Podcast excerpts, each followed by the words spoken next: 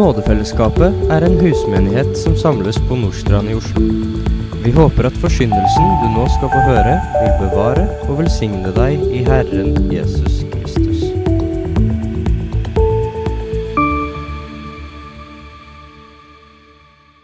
Vi skal tre søndager framover nå ta overskriften 'Jesus er Herre'.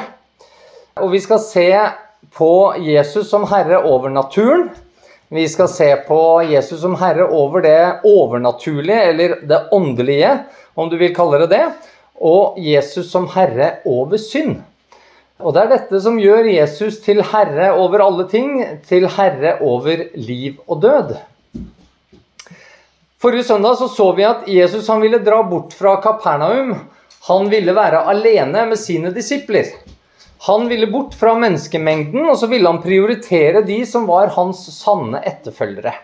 De som altså ville være med å bære kostnadene det var ved å følge ham. Og Så leser vi fra dagens tekst i Jesu navn fra Matteus 8, vers 23 27. Så gikk han i båten, og disiplene fulgte ham. Og se, det blåste opp en kraftig storm på sjøen, så båten ble skjult av bølgene. Men han sov. Da gikk disiplene bort til ham og vekket ham og sa, Herre, frels oss, vi går under. Han svarte, Hvorfor er dere så redde, dere lite troende? Så reiste han seg og truet vindene og sjøen, og det ble blikk stille. Mennene undret seg og sa, Hva er dette for en? Siden både vinden og sjøen adlyder ham. Fra Markusevangeliet så kan vi lese at de gikk i båten når det led mot kveld. Eh, og det forklarer ganske godt hvorfor vi finner Jesus sovende her i båten. Det er mange bibelkommentatorer som mener at alt det som vi har vært gjennom her nå, med hele eh, bergprekenen og disse helbredelsene og disse, denne fariseeren og denne andre disippelen som vi møtte forrige søndag, alt dette skjer på samme dag. Og nå er det endelig blitt kveld, og det er litt av en dag. Og Jesus er altså utslitt. Han er ordentlig utslitt. Og han har endelig kunnet hvile, og han sover godt. Han sover jo så godt at eh, det ikke betyr så veldig mye at båten eh, gynger fælt, og til og med kan bli litt vått der, og i det hele tatt. Spørsmålet er om en ville tenkt seg ut på sjøen dersom man da så at det var tegn til at en storm var på vei. Eller om at det faktisk i det hele tatt var overskya. Problemet er jo at dersom det ikke var klarvær her, så, og dermed ikke noe lys fra månen, så ville det bli bekmørkt. Det ville altså bli fryktelig vanskelig å navigere. altså Du ville rett og slett kunne ro i ring uten å vite om det. Og det ville være vanskelig å komme til andre sida. Det er altså med andre ord mye ting som tyder på at det må ha vært klart og fint vær denne kvelden. Og så er det gjerne sånn at mens sola varmer opp land og vann, så vil varm luft begynne å stige opp, og da vil det fylles på med kaldere luft, og det gjør at du får en såkalt pålandsvind, eller det blir en del vind når det er fint vær og det er varmt. Og dette stopper gjerne opp, og det har du sikkert merka òg når sola går ned. Det blir gjerne stillere på kvelden.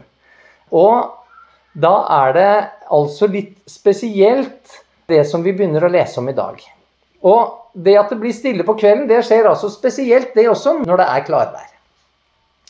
Og Jeg vet ikke om du har tenkt eh, på det, men Jesus er i en båt med flere menn som har vært ute og fiska hver dag i årevis. De var vant til været ute på denne sjøen. De, de kjente nok både tegnene og sjøen som sine egne bukselommer. Den er jo tross alt ikke så stor, denne her sjøen. Og dette var helt sikkert ikke den første stormen som disse hadde opplevd. Og så er det likevel slik at i dette området så kan det blåse opp ganske hurtig pga. den topologien som er i området rundt i forhold til Hermonfjellet og det, denne dalen som dette ligger i som, i som, en del av Jordandalen. Da. Men eh, noen av disse disiplene ville altså kunne da fortelle de andre at hei, dere kan ta det litt med ro. Dette er ikke så veldig farlig hvis de opplevde at dette her var forholdsvis greit. Så både Andreas, Peter, Jakob og Johannes de hadde altså all mulig grunn til å kunne fortelle de andre i båten at eh, nå kan dere bare slappe av, folkens. Dette her har vi vært ute i 100-200 ganger før. Dette går fint. Men så er det jo derimot en del eh, andre der som altså ikke hadde denne erfaringen, og som kunne trenge å høre nettopp det. Men så er det ingenting som tyder på at disse rutinerte fiskerne synes at det var noe greit. De var også redd for at båten ville gå under, og at de alle kunne drukne. Og det er heller ingenting fra teksten som tyder på at det var noen tegn om at det kom til å blåse opp denne kvelden, før de gikk om bord, eller da Jesus bestemte at det la oss dra over på den andre siden av sjøen. Som vi allerede har sett, så er det altså snarere tvert imot gode grunner for å tro at eh, alt lå til rette for en hyggelig seilas over sjøen i fint og klart vær. Og alt dette her får meg til å undre meg litt over timingen på denne stormen. Jeg tror ikke det er tilfeldig at en så sterk storm plutselig kommer akkurat når Jesus og disiplene er i båten. Og Utleggelsen fra de andre synoptiske evangeliene det forsterker dette inntrykket når de beskriver denne stormen som en voldsom virvelvind. En kraftig virvelvind kjenner dere bedre under et annet navn, nemlig en tornado. Og jeg har levd midt i tornadoland en del år. Jeg har måttet løpe i dekning mang en gang pga. tornadovarsel. Og en av de gangene så var det ikke så veldig langt sør for der vi bodde, så var det en by med 10 000 innbyggere som gikk fra å være en fullt fungerende by til å bli pinneved i løpet av altså noen få minutter. Så en tornado er farlig. Den er veldig farlig. Og Det interessante i forhold til dagens tekst er at en tornado normalt sett forbindes og formes i forbindelse med kraftige tordenbyger. Det kreves lavtrykk, skyer. Altså Vær motsatt av det vi kunne forvente at det ville være når disse bestemte seg for å gå om bord i båten. Og Disiplene de er redde, og i Lukas så står det at båten begynte å fylles med vann, og at de var i stor fare. Ja, Bibelen sier at de var i stor fare. Og med en kraftig tornado rundt seg, så var de i stor fare. Dette var livstruende på alle vis. Og nå har ikke jeg fullstendig statistikk over stormer på Genesaretsjøen. Jeg vet at det var en storm der i 2022, men de som opplevde den, og det er en del videoer av den, de sier at det var neppe sterk nok til at det var en fare for en båt som var ute på vannet, selv de båtene som de brukte på den tida. Men så kan du da gå tilbake igjen i tid, og det interessante er at du må helt tilbake igjen til 1992 før du finner den neste stormen som kunne være kraftig nok til at det var noe fare for noen i en båt. Og den neste der igjen i 1969. Jeg fant ingenting om tornadoer på det, vannet i det hele tatt, faktisk. Men vi ser altså at det går omtrent 30 år mellom hver gang det er en kraftig storm, og altså ingen dokumenterte tornadoer. Og det gjør at jeg tror at det disiplene og Jesus opplevde på denne sjøen denne natta, denne kvelden, det var spesielt. Det var altså en timing der som synes noe påfallende. Jesus han reiste bort med sine nærmeste disipler, og han ville være alene med dem. Eh, men i Markus så leser vi også at det var en del andre båter som fulgte med. Og så skal ikke vi spekulere om hva som skjedde med disse andre båtene. Og Likevel så kan det altså være at denne stormen hadde flere hensikter enn den vi først synes å se. Kanskje separerte den stormen de sanne etterfølgerne fra de som bare syntes det var litt stas å henge rundt Jesus. For slik er det gjerne når stormen kommer inn i menneskers liv. Den skiller de falske fra de sanne. Bibelen bruker et annet bilde med vind som omtaler det samme når en snakker om agnene og hveten. Altså du kaster kornet opp i været for å treske det, og så kommer vinden, og så blåser den bort det falske, og så detter det litt tyngre kornet ned på treskeplassen. Kanskje var det i disse andre båtene flere som den skriftlærde eller den disippelen som vi så på i forrige uke. De likte å henge med Jesus, men de trodde ikke. Og nå lot Gud det komme en storm som fikk de andre båtene til å snu. En storm som gjorde slik at Jesus fikk være alene med dem som hørte ham til. En storm som gjorde at de sanne etterfølgerne fikk erfare noe med Jesus som vantroende ikke fikk oppleve eller oppdage. Hvorfor er dere så redde? spør Jesus. Bibelen sier jo de var i stor fare. Det burde være forholdsvis opplagt hvorfor de var redde. De var i livsfare. Og likevel så gir altså Jesus dem en liten reprimande. Dere lite troende. Nå vet ikke jeg akkurat hvordan på en måte eh, hva skal vi si, ordlyden eller hva skal vi si, stemmeleiet til Jesus var når han sier dette, men, men det fremgår altså Her kommer det en liten reprimande. Det kan kanskje virke litt urettferdig. Var Jesus litt irritert fordi han ble vekka? Var, var det rett og slett den litt sånn menneskelighet som skinner igjennom her? Mm, kanskje. Men så er spørsmålet her for alle uansett hvor mye tro har du når livet ditt er i stor fare? Hvilken kunnskap har du som tilsier at du burde møte en slik situasjon med ro og ikke med frykt? Dere lite troende. Altså, Hvordan kan Jesus si det? Er det slik at disiplene selv nå de har sett så mange under med Jesus, så de burde ha visst hvem han var? De burde altså vite at det her var det ingenting å engste seg for. Eller er det fordi Gud opp igjennom historien har åpenbart sin makt på slik måte at de burde tro også når livet nå var i stor fare? Jeg tror det handler om begge deler.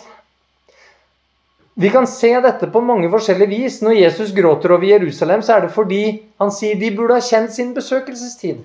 Det var altså noe som Gud allerede hadde åpenbart, som gjorde at jødene burde vite, de skulle vite, hvem Jesus var, og han holdt de ansvarlig for det. Og På samme måte skriver Paulus om dette i Romerne 1, der i vers 19 og 20. For det en kan vite om Gud, ligger åpent for dem. For Gud har åpenbart det for dem, for hans usynlige vesen, både hans evige kraft og hans guddommelighet, har vært synlig fra verdens skapelse av. Det kjennes av hans gjerninger, for at de skal være uten unnskyldning. Uten unnskyldning. Dette gjelder også disiplene. De var uten unnskyldning.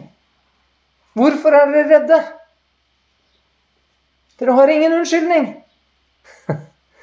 Gud har gjennom sin skapelse gjort et verk som vitner så sterkt om hvem han er, at det ansvarliggjør alle mennesker.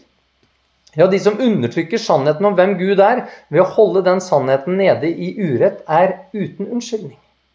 De som hevder at skapelsen var noe helt annet enn Gud åpenbarer, som ødelegger Guds karakter ved å tillegge han lidelse og død før syndefallet, de står uten unnskyldning.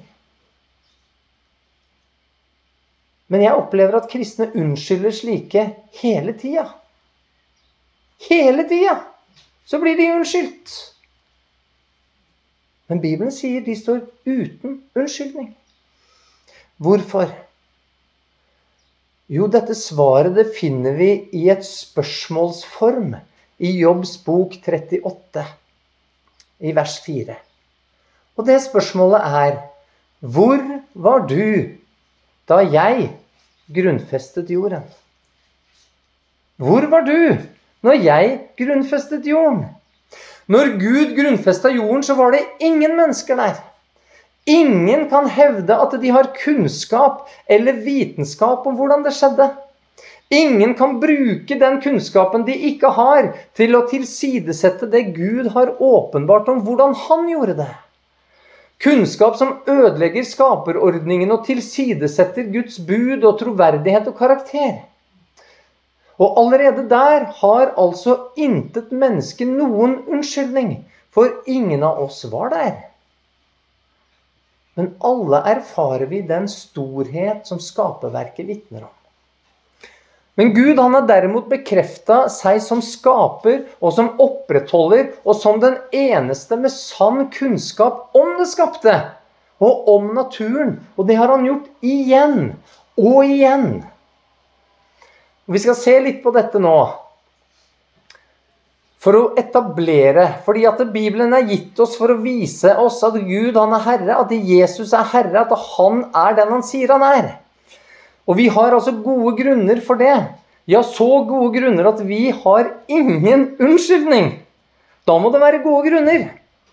La oss se litt på det. Skapelsen er Guds første under. Og Det er det første vi kan lese om da. Og Jesus han kommer for å vise oss hvem Gud er. Og hva er hans første under? Dette vet dere sikkert allerede, i hvert fall den som har hørt på meg litt. Men han gjorde vann til vin. Han viste altså med sitt første under at 'jeg er herre over naturen'. Han vis, viste at han var herre over elementene, over atomene, over molekylene, over prosessene. Han viste seg som herre over tiden fordi han på et øyeblikk gjorde det som ville ta lang tid dersom naturlige prosesser sto bak. Men det er altså et under som for deg og meg skal være med å bekrefte første Mosebok kapittel 1 og 2. For Jesus ba dem fylle opp seks kar. Seks kar som henviser til de seks dagene hvor Gud skapte universet en gang, og der verden trådte ut av vannet som dekket hele jordens overflate. Så er det seks kar fulle av vann der den beste vinen trer fram. Dette er ikke tilfeldig. Jesus han sier egentlig det er jeg. Herren som skapte himmelen og jorden på seks dager. Kjenner dere meg igjen? Ser dere at jeg bekrefter skapelsen for dere, akkurat sånn som det er skrevet? Ser du at du kan stole på det jeg har åpenbart fra begynnelsen? Tro på meg. Det er det han sier der, i sitt første under. Men Gud han vet at vi er så trege til å tro, så han har åpenbart sitt herrevelde om igjen og om igjen på mange måter for at mennesker gjennom alle tider skal kunne forstå at han er Herren. Gud har gjennom sitt ord åpenbart kunnskap om det skapte som mennesker ikke har hatt noen anelse om før mye, mye senere. Om noe av dette her kan dere helt sikkert fra før. Bibelen forteller jo at Gud hang jorden opp på ingenting. Det står i Bibelens eldste bok, fra Jobbs bok, som levde like etter flommen for over 4000 år siden. Og over 1000 år etterpå så mente fortsatt hinduistiske skrifter at jorden hvilte på ryggen til store elefanter. Andre snakker om noen skilpadder som jorda driver og, og balanserer på og greier. Men det er ingen som har vært i nærheten av det som Bibelen sier.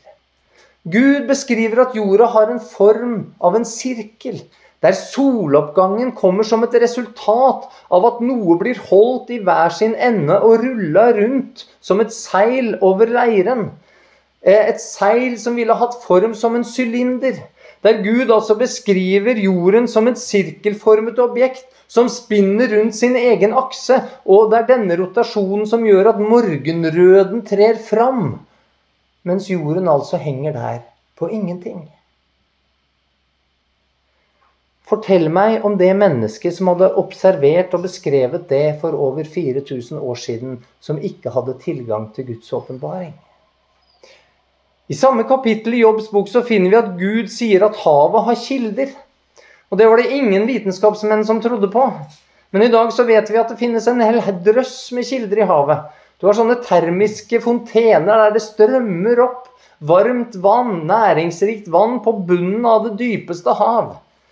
Ja, vi begynner omsider å tro at flomvannet kunne komme fra disse kildene, fordi vi så sent som bare for fem til ti år siden omsider har forstått at det er mye mer vann i slike kilder enn i alle verdenshav til sammen.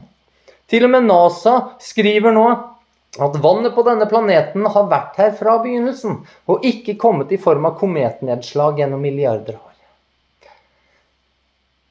Det er en stjerneformasjon som er kjent fra alle sivilisasjoner i verden. Den har vært sett tydelig på himmelen og er derfor opphavet til flere sagn og myter. Og den har blitt brukt til navigasjon og for å markere såtid. Og det er pleiadene eller så kjenner du den kanskje som De syv søstre eller Sjustjernen, som vi kan lese om i Bibelen. Og kineserne skrev om dem omtrent akkurat tilbake igjen til Jobbs tid. Så finner vi de første utenombibelske beskrivelsene av denne, disse pliadene. Eh, og for japanerne så er det mest kjent som Subaru. Men vi kjenner det mest som et bilmerke. Eh, Og med neste gang du ser en liten Subaru kjøre forbi, så vil jeg at du skal begynne å telle antall stjerner på den logoen til Subaruen. Og da vil du finne at det er kun seks stjerner i den, og ikke syv. Siden alle gamle sivilisasjoner omtaler dette stjernebildet med syv stjerner, så har det undret forskerne hvorfor vi i dag kun kan se seks av de med det blotte øyet. Så er det gjennom moderne astronomiske observasjoner så har altså vitenskapen kommet til en utvetydig konklusjon. Stjernene har beveget seg. Og ville sett annerledes ut for kineserne, annerledes ut for jobb, enn det vi kan se det i dag. Altså annerledes for jobb når Gud spør han, kan du knytte sjustjernens bånd? Kan du, jobb, holde disse sju stjernene samlet? Eller er det jeg som styrer stjernenes bevegelse? Gud visste at de sju ville flytte på seg lenge før vi konkluderte med det samme, og visste at Subaru sin logo altså ville måtte vise seks stjerner av den grunn. Men Gud han spør også Jobb om han kan løse Orions lenker. Altså det motsatte av det han nettopp har snakka om. Her har han snakka om å knytte noe, holde noe fast, holde noe samla. Og så tar han det motsatte og spør kan du løse Orions lenker. Og da er dette altså motsatsen til sjustjernen, og det er da det vi tenker på som det vi kaller Orions belte. Det er tre store blå stjerner som vi vitenskapelig nå vet ikke har forandret seg, men kan ses akkurat slik som Jobb så dem på sin tid, mens han levde. Mennesker har omsider forstått at naturen er styrt av lover. Det var denne oppdagelsen som gjorde at vitenskapen virkelig skjøt fart, og man sluttet å tenke på mye av det vi kan observere og erfare som mer eller mindre magi. Og jeg så en veldig interessant TV-serie om, om, strømmen, eller elektrisiteten sin historie. Og det var veldig fascinerende å se at i begynnelsen, når mennesker begynte å se at de kunne begynne å manipulere elektrisitet og kontrollere det, så ble det nærmest regna som datidens sirkus. Det var en form for magishow, det som de dreiv på med. Det ble presentert som det. Og det er ikke så veldig lenge siden heller, når du går tilbake igjen og ser på det. Men Gud hadde gjort et lovverk som styrer naturen. Og det er der i Bibelens eldste bok Jobb nettopp blir spurt om han kjenner himmelens lover, og hvordan disse lovene fastholder sitt herredømme over jorden. Hvordan det fastsetter jordens bevegelser. Og så forstår vi nå at disse lovene som vi kjenner som gravitasjonskraften og den elektromagnetiske kraften, er det som styrer jordas ferd i verdensrommet. Det er lovstyrt. Og Jobb blir spurt kjenner du disse lovene. Nei, det kjente han ikke. Og det kjente ikke vi før veldig nylig. Legestanden skulle selvsagt ha lytta til Gud, som sier at livet ligger i blodet. Istedenfor så trodde mennesker i sin visdom at det var lurt å tappe ut det blodet og årelate mennesker som var syke. Og hvor mange som omkom pga. den dumskapen der, det har vi ikke tall på, dessverre, men det er nok ikke få. Hvor mye bedre hadde det ikke vært om det de trodde på Gud og så har vi måttet gi han rett. Og så kan vi ved hjelp av en blodprøve nå diagnostisere svært mye og begynne å behandle det som livet vitner om. Guds forstand og visdom over sin skapelse er altomfattende, og den gir meg stor ærefrykt for ham. Jeg har lyst til å vise dere et eksempel til som vitner, for min del i hvert fall, veldig storlig om hans herredømme. Vi mennesker vi setter ofte verdi i ting som Gud ikke setter noe verdi i.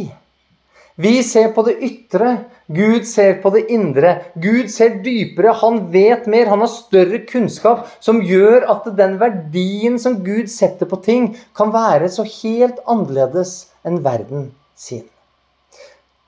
I verden så er vi spesielt glad i to edelstener. Er det noen som vet hvem det er? Ja, det er diamant. Selvsagt er det det. Og så er det en til. Det er en rød en. En rubin. Diamant og rubin er mennesker veldig glad i. Det er dyre, dyre stener.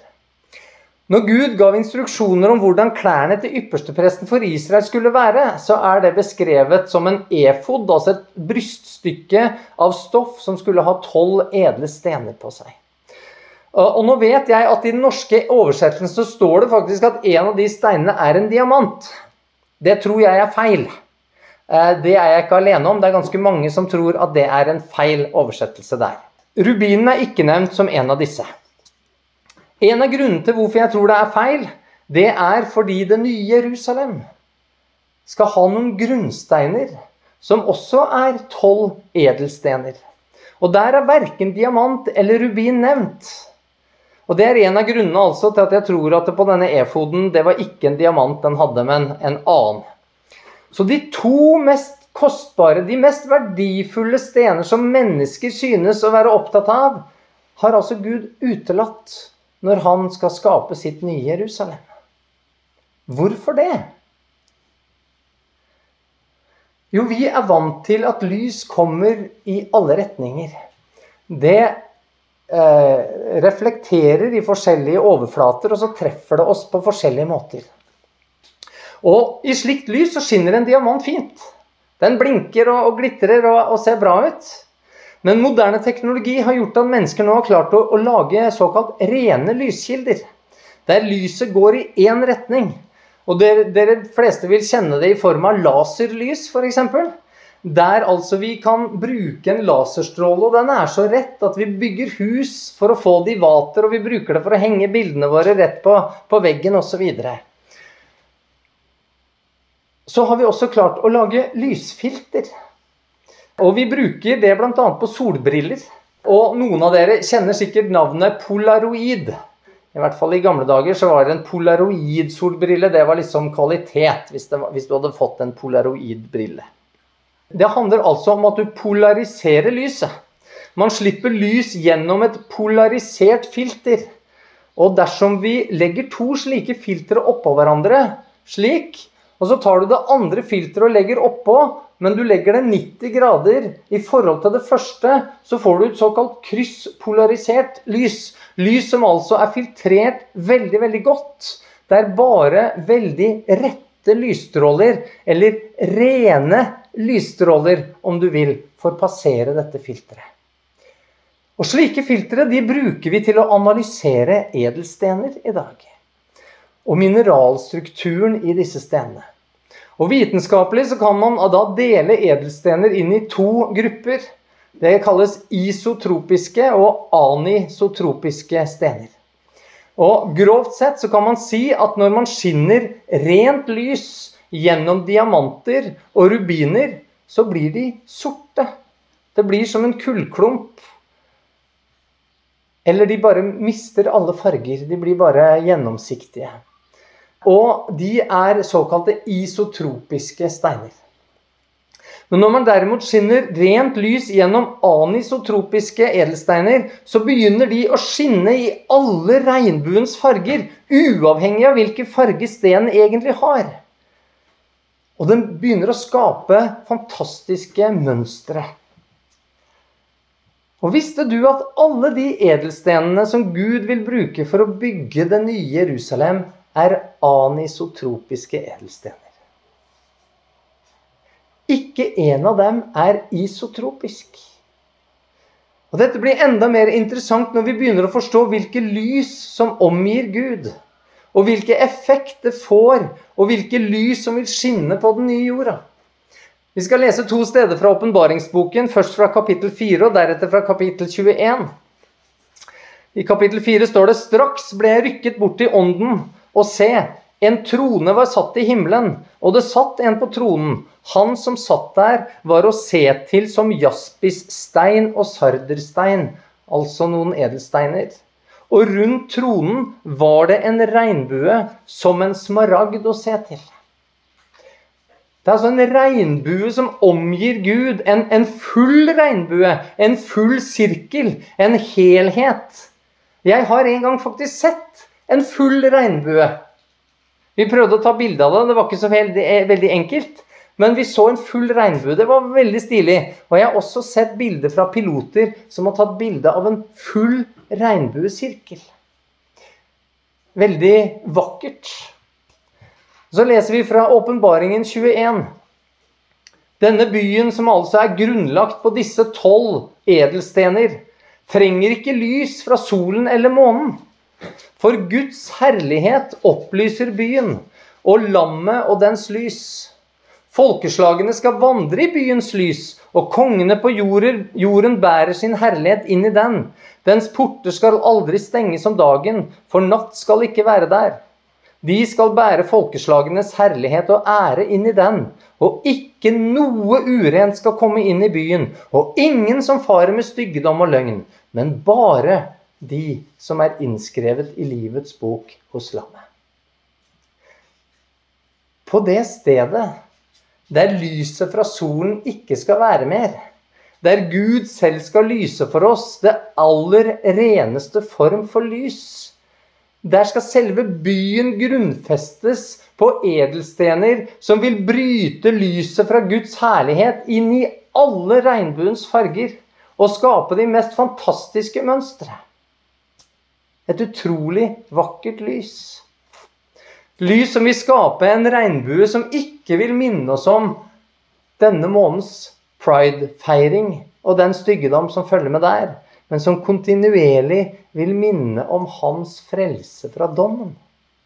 Minne oss om de løftene som Gud gav, alt det som regnbuen egentlig representerer. Og hvem kunne vel vite det når Bibelen ble skrevet ned, om det ikke var skaperen selv. Han som kjenner alle edle stener. Ja, han som også kjenner deg, slik som Trygve Bjerkreim vakkert skriver. For han er hver sjel som en perlesten, hvis verd bare himmelen kan veie. Det er altså verden setter sin verdi i diamanter og rubiner, det som overfladisk kan virke så fint, så ser Gud en verdi i mennesket som bare han kan veie, som bare han ser. Og så blir det som en perlesten som han var villig til å dø for. Guds kunnskap den går så mye dypere enn vår. Han kjenner de virkelige verdier som denne overflaten aldri kan avsløre. Ikke vær redd, du lite troende, men begynn å tro. Og Jeg skulle ønske at vi kunne begynne å tro som datteren til en psykolog som jeg hørte om nylig. En som heter Ove Herradstveit. Han vitner om at psykologien kom til kort i hans liv. Han var nett, rett og slett nødt til å settes fri fra den ugudeligheten som psykologien representerer. Han har en datter som var sterkt plaga av angst over lang tid. Og han hadde barn, andre barn med andre plager også, sterke plager. Og som familie så hadde de altså brukt det som var av psykologiske tjenester og hjelpetiltak som Norge kan by på. Ingenting hjalp. Men så skjedde det noe der. altså Kristus fikk frigjøre de voksne. Og da skjedde det raskt også noe med barna i denne familien. Datteren hun torde ikke å gå og legge seg selv på kvelden, enda hun var gått eh, opp i alderen. Og Hun kom for at mora skulle følge henne opp på rommet og være der og passe på henne. Og sånn. Og, og den kvelden så begynte moren å spørre barna om hun trodde at Jesus var herre. Om Jesus faktisk hadde kontroll på alle ting. Og dersom det var sant, fantes det da noe som barnet trengte å være redd for?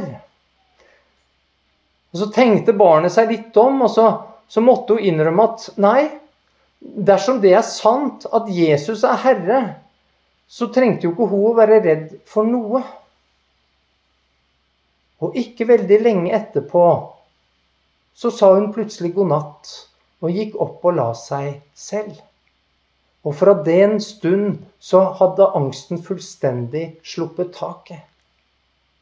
Hvorfor? Jo, fordi denne jenta hadde bekjent det som er enhver kristen sin bekjennelse. Jesus er Herre. Og så trodde hun på det. Hun levde etter det. Hun begynte fra den stund å leve i troen på det hun bekjente. Min venn, om Jesus er herre over naturen, så finnes det altså ingen andre som kan styre den. Det er ingen andre som kan bruke den for å skade deg. Det er ingen andre som kan endre den. Det er ingen andre som kan bevare den eller redde den. Skjønner du? For hvis det er det, så er ikke Jesus herre over naturen.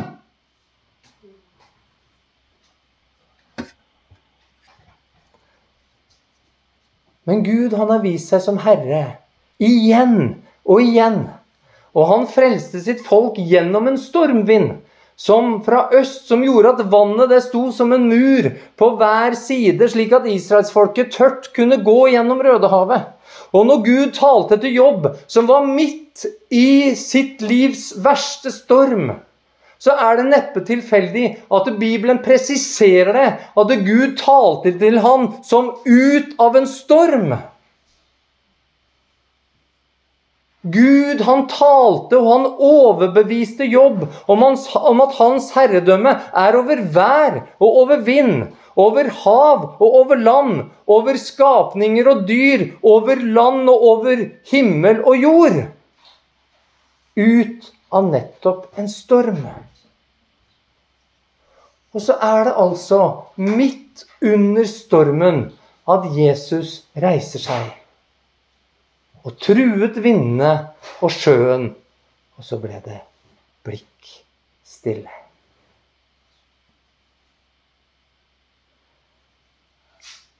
Og på tross av at Gud altså har vitnet om dette igjen og igjen, helt ifra begynnelsen, så undret mennene seg og sa Hva er dette for en?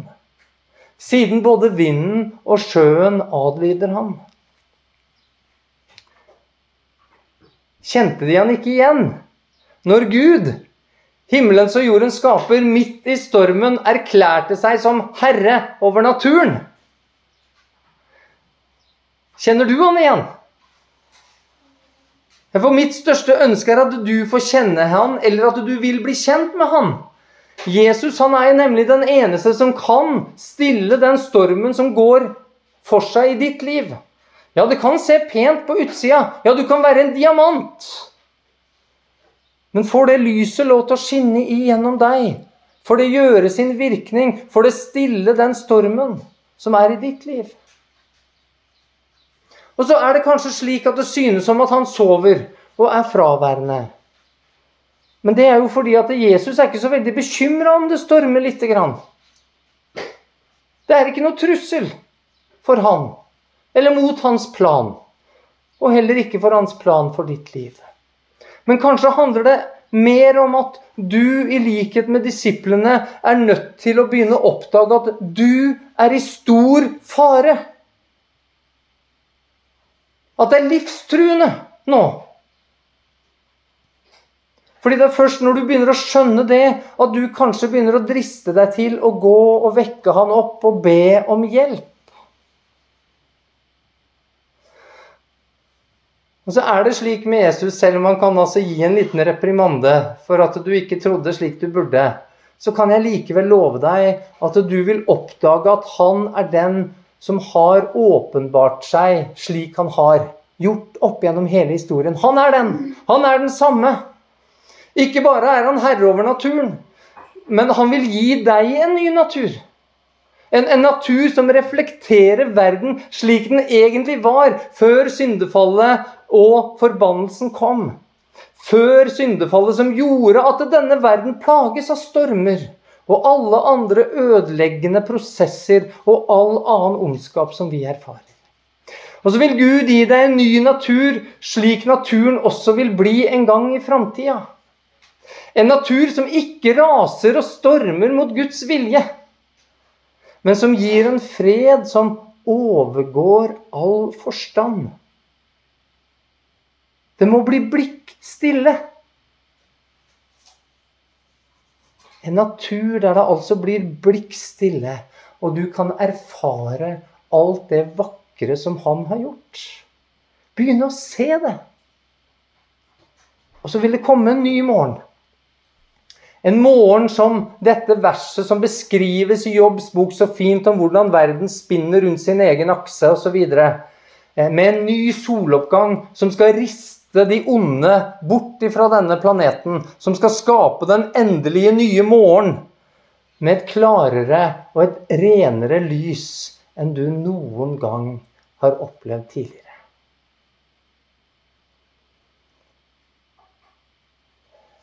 Så er det ikke alle som kjenner det. Det er ikke alle som har den kunnskapen. Men vi har den nå. Vi skal få lov til å dele den videre gjennom vår bekjennelse av at Jesus er Herre. Kjære far, vi vil takke deg for eh, din åpenbaring i ditt ord. Vi takker deg, Herre, for at du på fantastiske vis og på mange flere vis enn vi rakk å se på i dag, Herre, har vist at du kjenner ditt skaperverk.